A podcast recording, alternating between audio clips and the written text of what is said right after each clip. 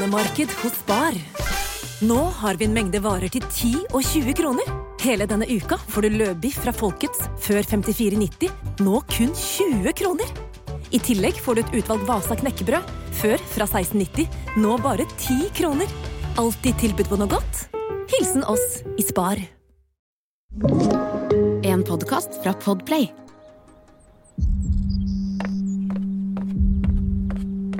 På inngangsdøra til et eh, lite hus i Rødovre utenfor København har noen hengt opp en lapp med en beskjed. Papiret blafrer i vinden, og Martin, som akkurat har kommet for å besøke stemoren og de to halvbrødrene sine, holder det rolig og leser Her er ingen hjemme. Vi har reist på ferie. Men Martin får en dårlig følelse og låser seg inn i det tidligere barndomshjemmet sitt. Der er ingenting som han husker. Møblene er flyttet ut fra veggene. Det er søppel overalt. Og i begge doene er det oppkast. Og fra kjelleren stinker det råttent og kvalmende. Martin melder straks familien sin savnet. Og han tenker med skrekk og gru på stemorens nye elsker, Peter Lundin. Drapsmannen som ble deportert til Danmark i fjor. Som blir omtalt som spik spenna jern. Ikke lenge etter finner politiet blodspor over hele huset. Og de konkluderer med at Marianne og guttene er blitt drept og kuttet opp før de er blitt fjernet fra huset. Martin får sin verste mistanke bekreftet da Peter ble arrestert ikke lenge etter. Og desto verre er sjokket da han får høre hvem som har hjulpet Peter også denne gangen.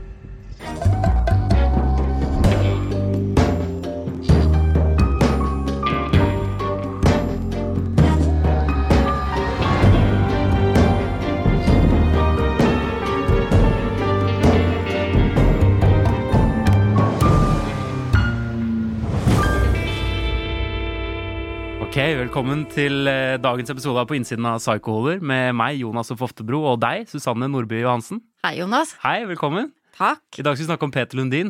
Ja, Danmarks En av Danmarks mest kjente seriemordere. kanskje verste.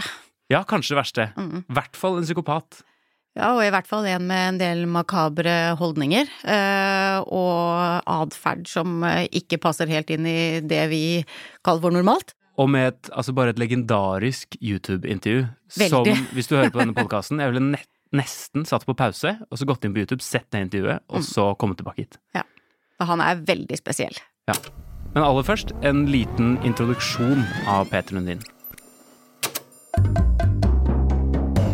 Peter Lundin ble født i 1972 i Roskilde i Danmark. Han vokste opp som enebarn sammen med en alkoholisert mor og en pappa som jobbet som murer. Etter at faren ble yrkesufør da Peter var ni år, bestemte foreldrene seg for å flytte familien til USA, og endte opp i Florida, hvor de drev et landeveismotell. Da Peter var rundt tolv år, flytter faren Ole fra moren og tar med seg sønnen rundt om i USA på jakt etter jobb. Etter et par år på flyttefot slo de seg ned i Miami, og da fant foreldrene sammen. Men nå hadde relasjonen mellom Peter og moren endret seg totalt, og han var i sterk opposisjon til henne. Det var ikke sjelden at naboene måtte ringe politiet pga. krangling og bråk i det lundinske hjemmet. Som oftest var det far og sønn mot eh, moren Anna. Utover i tenårene begynner Peter å eksperimentere med narkotika, og han blir etter hvert den faste langeren på skolen. 1.11.1991 blir et kvinnelik funnet på en strand, og da det viser seg å være Anna Lundin, blir både Ole og Peter etterlyst. Og sommeren 1992 blir de arrestert i Canada. Peter blir dømt for drapet på moren, som han hevder var et uhell, og faren hans blir dømt for medvirkning til skjuling av liket. Dommen lyder 15 år, men etter syv år løslates Peter og utvises tilbake til Danmark, hvor han er en fri mann. Og han flytter sammen med sin kone, som han traff mens han satt inne, og deres barn. Ikke lenge etter forlater han familien til fordel for en annen dansk kvinne, Marianne Pedersen, som han har truffet på et av sine mange bordellbesøk. Men det tok ikke lang tid før Marianne og de to sønnene hennes blir meldt savnet, og Peter blir til slutt tatt for de bestialske mordene, som han også denne gangen hevder var et uhell. Dommen ble livsvarig fengsel, og han sitter nå fengslet i Danmark, hvor han fortsetter å bygge opp myten om seg selv. Likdelene etter Marianne og guttene er aldri blitt funnet.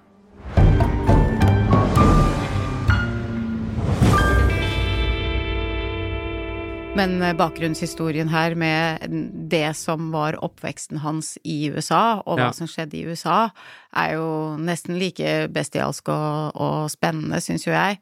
Ja, enig, og det er jo der jeg har litt lyst til å starte, da. Ja.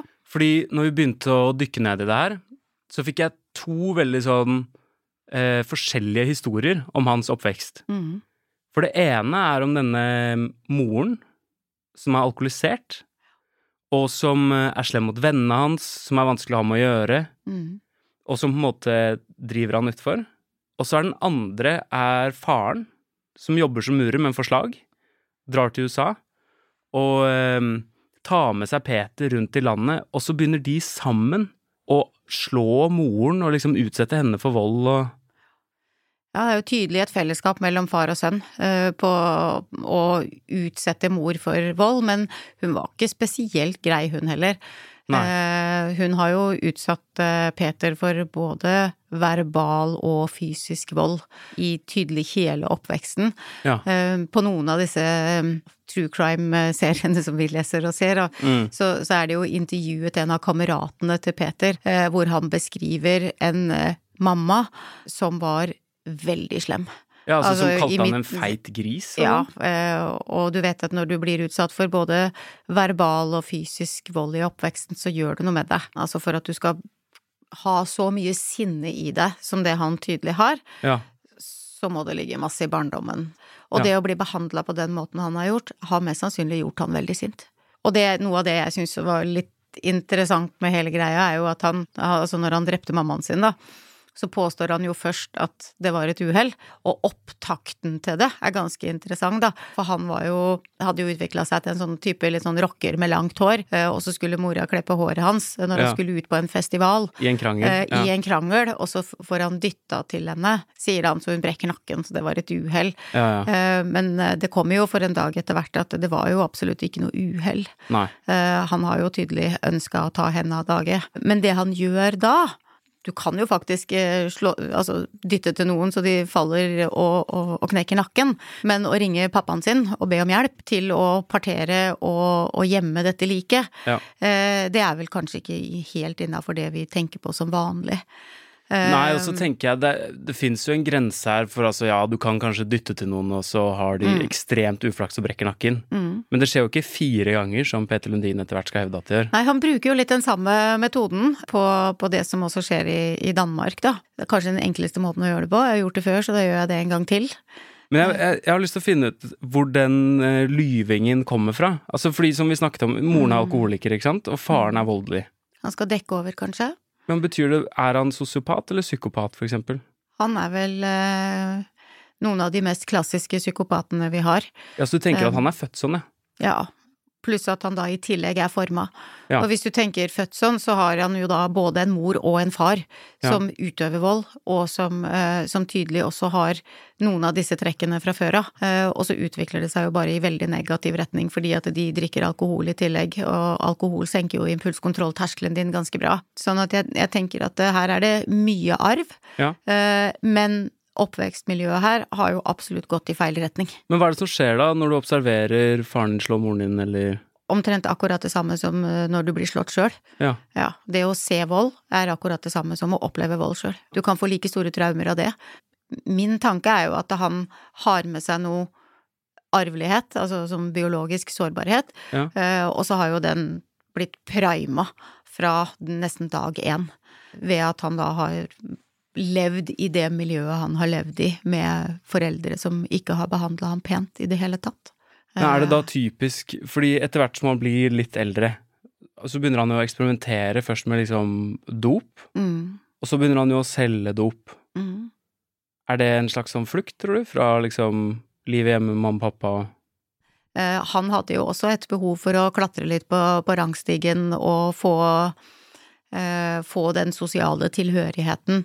Han var jo ikke veldig integrert i skolesammenheng, og en av måtene du kommer inn i en skolesammenheng på, er jo innimellom å gjøre sånne ting, da. Og han er jo en type som ønsker seg status. Han ønsker jo å bli sett. Ja. Så til de grader Ja, ja, veldig. Ja. Altså fordi han, først så sier han at han skal bli murer, sånn som faren sin Ole, Mm. men den drømmen legger han jo på hylla ganske raskt. Mm. Og så skal han jo bli idrettsstjerne, Ja. Og så skal han bli rockestjerne. rockestjerne. Ja. Og det var vel der det lange håret kom fra. Og da kan du jo tenke at hvis han hadde noen planer om å bli rockestjerne, Ja. eh, så kommer mamma med saksa. Kanskje det var det som egentlig tippa det. ja, tror du det er vendepunktet? Ja, kanskje. Ja. Altså, da ville jo hun ødelegge hans image. Da vil han jo ikke kunne oppnå å bli den rockestjerna som han ønska seg. Men her snakker vi et fullt glass vann, og så er det dråpen som får det til å renne over. Ja, kanskje. Det virker ikke så impulsivt, da, som at det bare er at hun vil ta håret hans og han skal forsvare seg. Det er jo det er noe han hat som sier har det bygget seg opp sjøl over at jo det tid. var eh, impulsivt, da. Eh, Fordi at han var jo på vei til en konsert eller et eller annet sånt nå, og så eh, sprang han først inn, ble stoppa av mammaen sin, og så sprang han ut, men da hadde han glemt bilnøklene. Og så springer han inn etter bilnøklene sine igjen, og da skjer det. Så han hadde kanskje ikke planlagt det akkurat der og da, og da er det jo en impulsiv handling. Ja, men her, Susanne, kommer vi nok til å møte på et problem mange ganger i denne historien. Og det er at jeg stoler ikke på noe av det han sier. Nei I det hele tatt. Altså, for meg, blank løgn. Sånn som det vi skal snakke om etterpå med Marianne Pedersen. Han lyver jo for sin egen vinning hele tiden. Han er en patologisk løgner. Ja, og sånn Ja. som det, da. At han finner på denne, eller finner på denne historien med at eh, moren hans eh, ville klippe håret hans, og angrep han med saks, og at han i et selvforsvar ved et uhell kom til å knekke nakken hennes. Mhm. Det er jo det samme som han sier når hun først er død. Så sier han jo at grunnen til at de gravde henne ned på den måten de gjorde, var fordi hun måtte begraves, så de trengte et vakkert sted Ja, å han grave skulle finne et fint sted, for han var jo veldig glad i mammaen sin. Ja, så da putta de henne i en plastpose og gravde henne ned på stranda, Mhm. liksom. Ja. Tror ikke på det i det hele tatt. Men han sier jo også at han har hatt en veldig fin barndom. Hvis, Ja. du, hvis du hører på Ja, ja, en del intervjuer, så har han hatt en American dream, og han har levd i et eh, oppvekstmiljø som har vært veldig fint. Kanskje han har den oppfatninga sjøl? Ja, fordi det lurer jeg på i det YouTube-intervjuet vi snakket om tidligere. Det er en psykolog som har sett på det, Mm. og som mener at av 40 bokser for liksom psykopati, så tikker Peter 39. 39. Mm. Da er du jo psykopat. Ja, han rettspsykologen, han sa vel noe om at uh, dette var noe av det verste tilfellet han noen gang hadde sett. Eller, han, eh, han, er, han er litt forsiktig, for han, han har jo egentlig ikke møtt Peter Lundin. Eh, han har jo gjort dette her uh, ved å se på En video, ja. en video og få informasjon om han. Ja. Så har han jo fylt ut denne psykopatisjekklisten som vi har snakka om tidligere, da. Jeg, jeg er jo litt nysgjerrig på hva var det han ikke sjekka av på det, Ja, det ene poenget, men Ja, det, det fikk vi jo aldri vite. Det fikk vi jo aldri vite. Nei, nei. Hva er det han da ikke klikker på av den lista? Eller så klikker han jo på både narsissisme, grandiositet, patologisk løgn, Ja. vold, utagering Men det var det jeg lurte på. Er virkelighetsbildet også, altså forvrengt virkelighetsbilde, er det også et tegn på liksom eh, psykopati? Nei, i utgangspunktet ikke. De, ikke et, de er jo ikke schizofrene. De har jo ikke en, en paranoid schizofreni med en annen virkelighetsoppfatning enn det vi har. Nettopp. Så, Når han lyver og, Ja. og putter det inn i sin virkelighet, så gjør han det for vinning. så når han viser fram, eh, eller forteller om det virkelighetsbildet han har, så er det bare løgn. Han vet at det er løgn. Han vet at det er løgn. Han tror ikke på det selv. Nei. Nei. Patologisk løgn betyr at du er klar over at du lyver. Du lyver også. Ja. Ja, forskning har jo Nei. vist Jo, okay. Jonas, du gjør det. ja. Forskning, eh, de har hatt en sånn stor undersøkelse på University of Massachusetts som viser det at eh, i løpet av de ti første minuttene av en kommunikasjon Ja. hos oss alle, Ja. så har vi nesten klart å dra to til tre løgner alle sammen. Sånne små hvite løgner. ja, de er små, da. Ja. Små hvite. Ja. Ja. Du ønsker sikkert at de er bitte små, Kjempesmå. men, eh, men det er jo en måte å, en måte å kommunisere på. Eh, Og en måte å gjøre oss Vi skal være litt viktigere, vi skal synes litt i en sammenheng. Og det er ingenting som er skadelig med det. Og all løgn er vel ikke slem løgn? Nei, og det er, er derfor jeg sier sånne hvite løgner, det Ja. tar vi alle sammen. For Ja. å komme oss ut av litt situasjon, eller pynte litt på situasjonen. Ja. Vi har egentlig ikke lyst til å reise på besøk på lørdagskveld, så da tar vi en eller annen sleip en med at eh, kjæresten min er litt sjuk, da. Ja. Så vi kommer ikke. Ja. Ikke deg sjøl, men kjæresten min. Ja, den er bra. Legger det på den For da får du i tillegg litt sånn good eh, Ja, for goodwill, for du er så Ja, du er så flink. Ja, ja, ja. ja, ja, ja. Mens Peter Lundin, han ljuger jo for å fremsette seg sjæl i et veldig positivt lys hele tida, og oppnå noe. Han er manipulerende, og løgnene hans er jo for at han skal komme noen vei i den situasjonen. Men hvorfor sier han da at han har hatt en så fin barndom? Kunne det ikke egnet han å, ha, å si Nei, han er jo et uh, overmenneske. Han fremstiller seg jo sjøl som uh, en helt guddommelig Ja. for alle kvinner. Og, og det er jo helt utrolig. Han klarte jo å få veldig mange kvinner til å skrive til han når han var i fengselet. Han klarte jo til og med å gifte seg, Mm. eh, for han framstår jo vakker, langt hår. Han har jo en fantastisk flott kropp. Det er klart at eh, jenter vil jo se på det, og han ordlegger seg jo veldig bra. Han fremstår jo ikke som noe svak evnemessig eh, person, og det er jo enda mer farlig i en sånn sammenheng. Hvis du har lav IQ, så klarer du ofte ikke å stå i en sånn situasjon. Har du høy IQ, så klarer du å manipulere bedre. Ja, og jeg vil si at han er ganske flink. Eh, Det er ikke ti av ti, syns jeg, fordi altså, han er flink med ord, men pakken av det han gjør, leser jeg som utrolig sånn eh, flatt og, og gjennomsiktig. Men hører du ikke hva som skjer nå når vi prater, Jonas? Nå, be, nå beundrer jo jeg han, og så prøver du å dra meg ned på jorda. Ja, riktig. Tror du ikke at det skjedde med veldig mange av disse kvinnene òg? At han har en sånn effekt? At psykopaten kan ha en sånn effekt? Ja, men altså, jeg bare skjønner ikke, Susann. Du, du har jo sett det intervjuet. Ja. Når du ser Jeg syns han, han er superfascinerende. Du syns det? Ja. Når han leser det diktet og sånn? Ja. Mm. Mm. Jeg skjønner. Ja, Men forstår du hva jeg prøver å, å si, da? Jeg skjønner hvor Han det kommer fra. appellerer. Han appellerer veldig. Ja. Eh, og hvis du ikke har evnen til å se bak det, Ja. hvis du bare ser på det, Ja. så vil du bli fanga.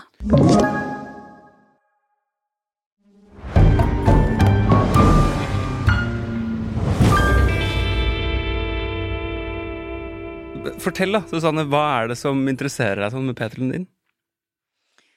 Hva er det som fanger deg? Hva er det som liksom pirrer interessen? Det er litt eh, måten han prater på. Hva da? Eh, måten han formidler seg på. Ja. Eh, han er jo eh, ganske poetisk. Han siterer poesi. if there's a high, there's a low. There's pleasure, there's pain. Lose, win, repent, sin. Virgin, whore, fun, bore. And there's evil, and there's not. Sant? Mm. Selv om innholdet i det han uh, siterer, Mm. uh, kanskje er ganske uh, makabert i seg sjøl, da. Ja, Men nå har jo jeg en fascinasjon for det makabre, så det er jo kanskje det som egentlig fascinerer meg ved han. Ja. Det er at han er så syk. Han, han er jo funnet tilregnelig, på en måte, så vi kan jo ikke si at han er alvorlig sinnslidende, men han er så avvikende. Nå beveger jeg meg litt ut fra det du egentlig spurte om, da. Eh, for Ja, hva som fordi- fascinerer meg, for det som fascinerer meg, er jo at han bruker det som han blir spurt om, til å fylle på den løgnen. Og konfabulering er du har noe sant i bånn Ja. som du spinner ut fra. Og da vil han jo framstå mye bedre, finere enn det han egentlig er, da. Men, men altså snakker vi om Når du sier interessert, da. Altså romantisk interessert. Fordi det er jo det som er tilfellet for veldig mange av de jentene som skriver til han i Mhm. fengsel. Mm. Der faller jeg av. Jeg skjønner den faglige interessen, men jeg ville aldri vært interessert i å ha en personlig relasjon til Peter Lundin. Nå ble jeg litt stille, for det kunne jo jeg, da. Ja, men utover å liksom spille sjakk med han en gang i måneden, eller, liksom. eller å bli kjent med han, da. Altså, eh, mer sånn at jeg kunne godt tenke meg, hvis, hvis noen hadde ringt til meg og sagt at Susanne, nå skal du få muligheten til å dra til fengselet i Danmark og møte Peter Lundin, jeg hadde Ja. ikke tenkt meg om engang. Jeg hadde reist, jeg. Ja, det har vært spennende. Ja. Men det er nok mer fra en sånn faglig ståsted. Ja, det er det jeg mener, Men så det- nå, nå, nå ror du. Søren òg. Ja, fordi det jeg vil fram til her, er de damene som for eksempel Sånn som um... Men det er jo psykopatens sjarmerende trekk. Eh, og det er jo veldig mange kvinner som lever i forhold med en psykopat som er fantastisk flott i starten, og så kommer disse trekkene fram etter hvert, og så lever de jo i et helvete ja, når det kommer et stykke. Sånn at de blir jo sjarmert i utgangspunktet. Han tar jo fram alt det han har av positive Men Susanne, vi snakker jo ikke om en psykopat man ikke vet at er psykopat. Vi Nei, snakker, om, en, vi snakker om en fire ganger drapsdømt psykopat. Nei, altså da, du har jo den eh, Jeg har ikke noe annet svar til deg enn den sjarmerende sida, da. Og så er det jo forskjell på jenter, da. Hva som blir de blir tiltrukket av. Men jeg, jeg tror vi blir eh, fascinert av eh, det ytre han viser fram, da. Ja, det er noe med det òg. Han sitter i fengsel. Kan det jo hende at han treffer kvinner som eh, også har litt grann fascinasjon for det som er litt avvikende. Så vi kan jo legge det litt der òg.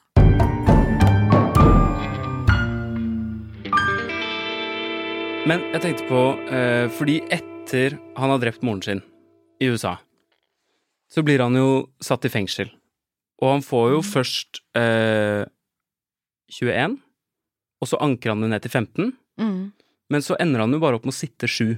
fordi det er overfylt fengsel. Overfylte fengsler. Ja, og sikkert fordi det er ganske greit for USA å velge han ene de kan kicke De ut. kan jo sende han ut, eller deportere han. Og det gjør de Ja, jo. det gjør de jo. Til stor misnøye fra Peter selv. Altså, han nekter jo først å forlate USA. Mm. Så det ender jo opp med at fire politibetjenter må eskortere han Mm. på flyet. For han ut, utagerte han, eller Han Utagerte, han utagerte Ja, på flyet. På flyet. Eh, sånn at han da ble tatt tilbake igjen, og så måtte de ha noen flere som skulle Yes. eh, passe på han litt, da. Det vitner jo litt om eh, det jeg får kalle for eh, følelsesmessig ustabilitet, da. Altså emosjonell ustabilitet. Ja. Eh, og eh, hvis han ikke ønska eh, å reise til Danmark, så passer det jo bra å utagere på et fly. Men det kan jo også hende at han var veldig redd for å reise tilbake til Danmark. Han visste ikke hvor han kom fra. Han var jo vokst opp i USA. Og så skulle de da skipe han til Danmark bare fordi at han hadde dansk pass. Mm. Så at reaksjonen hans er 'dette er jeg redd for'. Ja. Jeg vet ikke hva jeg går til. Jeg vet ikke hva Danmark er. Nei. Så reaksjonen hans på vei inn på flyet og over dit er helt grei. Men når han først kommer fram, mm. og han ser de fire amerikanske politibetjentene gå tilbake på flyet, Mhm. og de danske politibetjentene sier sånn hei, hei, god dag, skal du ha en pøls? Ja. Og så er det rett ut. Og så er det liksom. rett ut og ta Ja. taxi til faren eller noe sånt. Ja. Ja. Da må det jo begynne å bli ganske greit. Ja, Jeg ville jo tenke det, at han tenkte da at nå var jeg ferdig med det. Ja, og Eh, han faller jo fort inn i liksom gamle baner. Altså fordi Det ser jo ut som han liker å være i fengsel òg. Altså, han får jo utrolig mye oppmerksomhet. Ja. Det kommer jo til og med et dansk team, eh, TV-team, til USA og, og filmer han. mm, Eh, Så han fikk jo næring til dette oppmerksomhetskravet sitt ja. hele tida mens han satt i fengsel. Så kanskje han egentlig likte å sitte i fengsel? I hvert fall oppmerksomheten forbundet med det å sitte i fengsel. Ja. Ja. Altså, jeg tenker hvis du har lyst til å bli rockestjerne, ikke fikk det til, så er jo Mhm. i hvert fall seriemorder en eller annen form for oppmerksomhetssøken, da. Begge deler er forside, og begge deler er jo et element i hans psykopati. Ja. Ja, I behovet for oppmerksomhet, behovet for å bli sett, manipulere omgivelsene sine. Men jeg lurer på, når han kommer tilbake til Danmark, Mm. så eh, faller han tilbake i gamle vaner, fordi han begynte veldig tidlig i USA å gå på liksom bordeller og horehus og sånn. Mm. Og det første han gjør når han kommer tilbake til Danmark, det er å bli kjæreste med en dame Bordellmamma, var det ikke det? som er bordellmamma. Mm. Som jo er Marianne Pedersen. Og så er det jo henne det ender opp med å gå utover, da. Ja, han er jo en av de som faktisk dreper sine nærmeste, da. Eh, Vi har jo snakka om eh, andre før her som dreper andre. Mm. Eh, Men vi snakka jo om Chris Watts som drepte de næreste, og det er Ja. jo også det Peter Lundin gjør. Mammaen sin, kjæresten, barn. Men hva tror du det kommer av i Peter Lundins tilfelle, fordi Ja, de har stått i veien for han. Mammaen sto i veien for at han skulle realisere drømmen sin. Hvis, han, hvis det han sier er sant, da. Men Marianne Pedersen, da? ja, hva er det med henne da som står i veien? Begynte han ikke å reise rundt og hadde seg med ganske mange forskjellige og, og sånn i den perioden han var sammen med Marianne da? Da er han jo bundet, både av to barn og en dame som helt sikkert var ganske sterk. Men han kan jo bare gå fra henne. Ja, og han kunne jo bare forlatt mora si òg. Da har du åpenbart et behov for å bli akseptert da, av de menneskene du gjør for kjipe ting mot. Mm. Han hadde jo et stort behov for aksept fra mammaen sin. Så du vil på en måte ha total kontroll, da. Du vil ikke bare få lov å gjøre akkurat som du vil, men du vil også at andre skal godta at du gjør Mhm. akkurat som du vil. Det du ønsker sjøl. Og det er typisk for en psykopat. Ja. Ja. Han skal ha kontroll. Han skal leve det livet han ønsker, eller hun, hun ønsker. Det fins jo noen kvinnelige psykopater òg. Men må han ikke gjøre en avveining i hodet sitt på hva kommer til å få størst konsekvens? Tape ansiktet ved å liksom gå fra henne og ikke få det som han vil, eller drepe henne? Han vil ikke tape ansikt. Så når han dreper henne, de to barna, så tenker han kanskje at han skal komme unna med det? da? Ja, ja. Ja, Han, det er han kom jo egentlig unna med drap på mora si i utgangspunktet òg. Tok jo ganske lang tid før de ble tatt. Så det, og og vi, de har jo ikke funnet Marianne og barna. Nei, og det kommer de jo mest sannsynlig ikke til å gjøre heller. Fordi det som hvert fall skjedde, er at eh, på en eller annen måte så er de blitt drept i det huset, Mm. og så har han dratt på butikken og kjøpt liksom rengjøringsmiddel, øks og plasthansker, og så har han partert likene. Mm. Og ikke sånn Bell Gunnes kutt i fem, men de antar at han i hvert fall har partert med 100 slag med øksa. Så han har jo kuttet det opp i bitte, bitte små biter, pakket det inn i plastposer. Var det noe så at han putta det i søppelbøtter rundt omkring? At Yes. han fordelte det Mm. rundt omkring i noen søppelbøtter, sånn at eh, så å finne de er jo da. veldig, veldig vanskelig da. Det er tilnærmet umulig. Altså, de, Ja. let, de lette gjennom 10 000 tonn med søppel Mm. uten å finne noe. Ja. Én big mistake, da, selvfølgelig. Og det var at politiet, når de kom inn i det huset For det første var han jo observert av naboene. At han gikk rundt der i to dager etter de var meldt savnet. Mm. Og for det andre var det jo visstnok blod overalt. Ja. Oppkast i begge toalettene. Men det er litt interessant. Har han kasta opp sjøl? I den prosessen at han parterer? Ja, det tror jeg. Ja. Men da betyr jo det egentlig at han kanskje ikke syns at dette er helt ok? Nei, og det tror jeg ikke at han gjør. Fordi jeg tenker at eh, du Men da er gir vi han empati.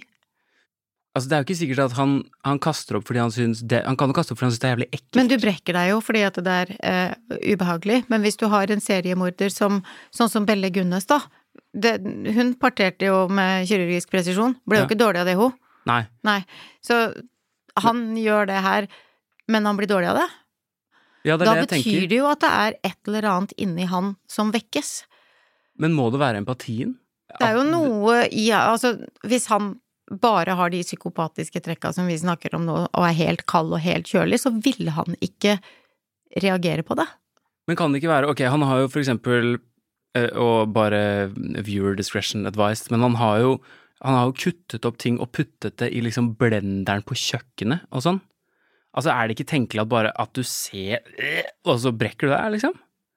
Ja, det er jo mange seriemordere som vi ikke har snakka om nå, som har gjort noe av det samme, men som syns at det er veldig fascinerende.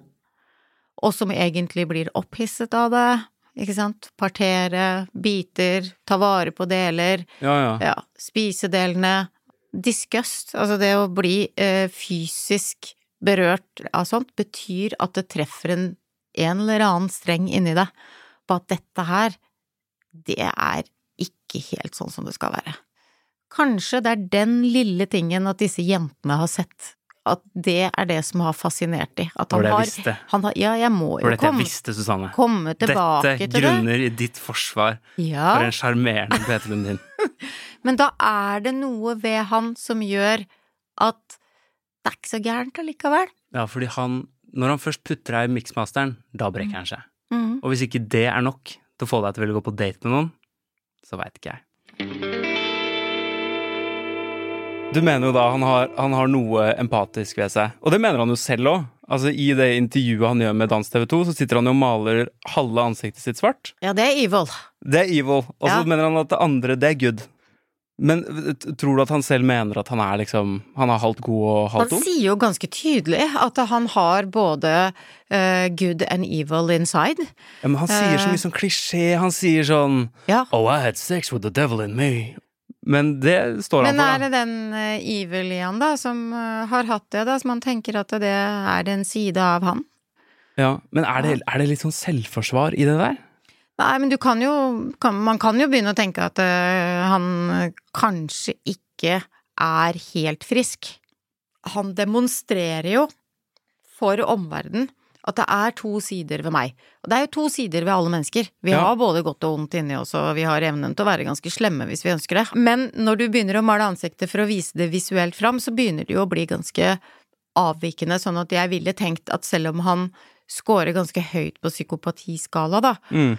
eh, så er det jo noe psykologisk som kanskje taler i retning av Eller i retning av at han har en alvorlig sinnslidelse.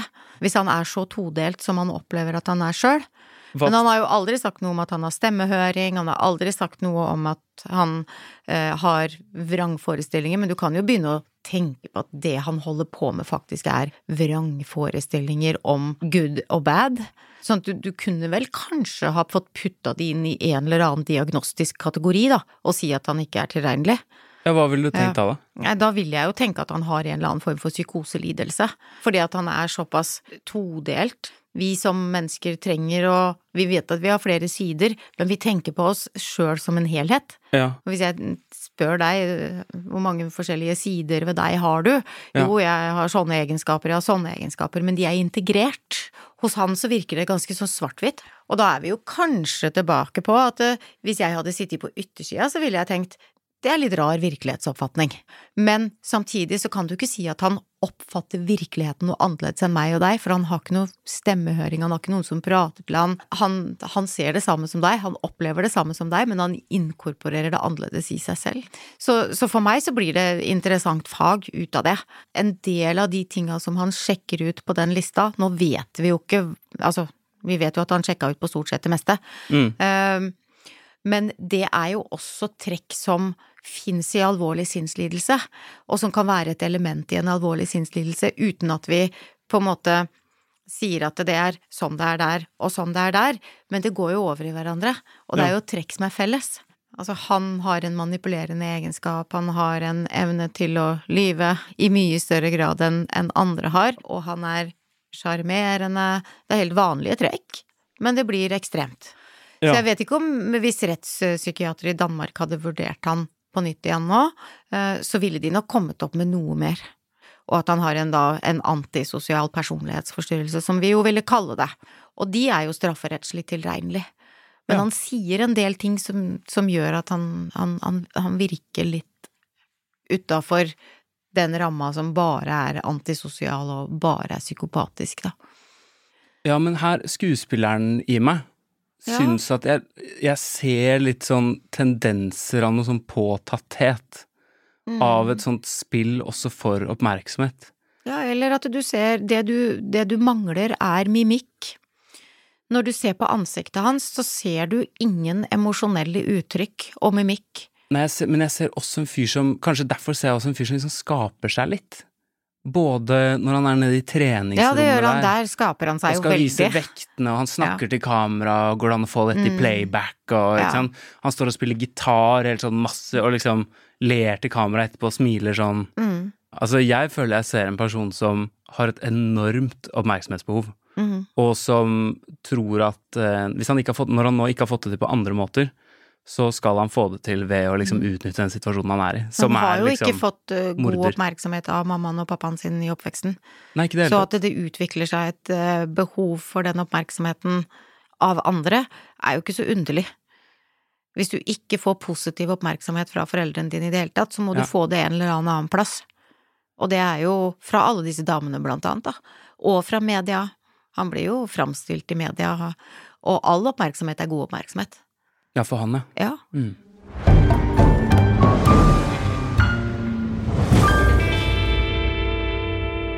Men ok, Susanne, eh, hvis vi skal oppsummere Peter Lundin. Du er jo litt sjarmert. Ja. Hva er det det går an å kjenne seg igjen i Peter Lundin? Ja, det må jo du svare på, for det er du som er mann. Eh, Jeg kan ikke akkurat si jeg kjenner meg igjen i Peter Lundin sånn eh, mannlige kvaliteter i det hele tatt, men Nei. jeg kjenner meg jo igjen i det behovet for eh, oppmerksomhet. Ja. Jeg syns jo det er veldig spennende og deilig å få oppmerksomhet, vokser jo på det, får jo litt adrenalinkick av det. Mm. Og det gjør du òg. Du er ikke skuespiller for ingenting. Nei, men- Nei, du vil jo ha oppmerksomhet. Du folket, stikker jo ansiktet ditt fram. Så jeg tror at det vi kan kjenne oss igjen i stort sett i alle de vi har snakka om, det er behovet for oppmerksomhet. Det har vi alle sammen. Det ligger i oss. Vi Ja. trenger bekreftelse. Ja. Vi trenger å få uh, vite at vi er noe. Går det kanskje også an å kjenne seg igjen i den, uh, i den derre litt sånn hvite løgnen? Og ville pynte litt på sannheten? Ja, Det gjør vi jo alle sammen. Og det handler jo om å stille oss sjøl i et godt lys. Du vet at vi ville kanskje kjent oss igjen i alle trekka, men ikke i den ytterligheten. Så hvis vi hadde sjekka boksene, så kan det godt hende vi hadde kjent oss litt igjen på alt med hans atferd, selv om vi ikke ønsker det.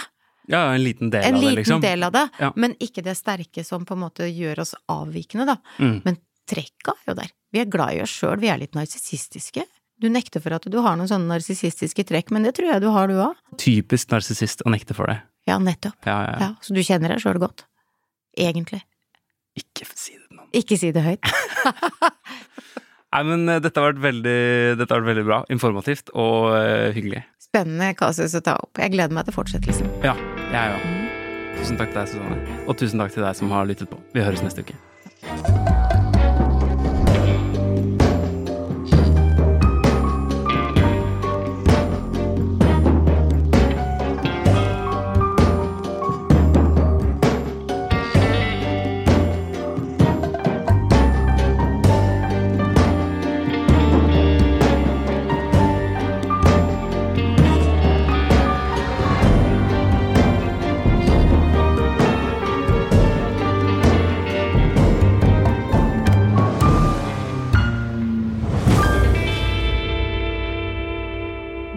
Hørt På innsiden av psykoder.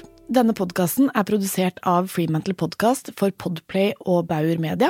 Programledere er Susanne Johansen og Jonas Oftebro. Produsent er Kjersti Kvam. Og musikk og lyddesign er laget av Espen Rogne. Du har hørt en podkast fra Podplay. En enklere måte å høre podkast på. Last ned appen Podplay, eller se podplay.no.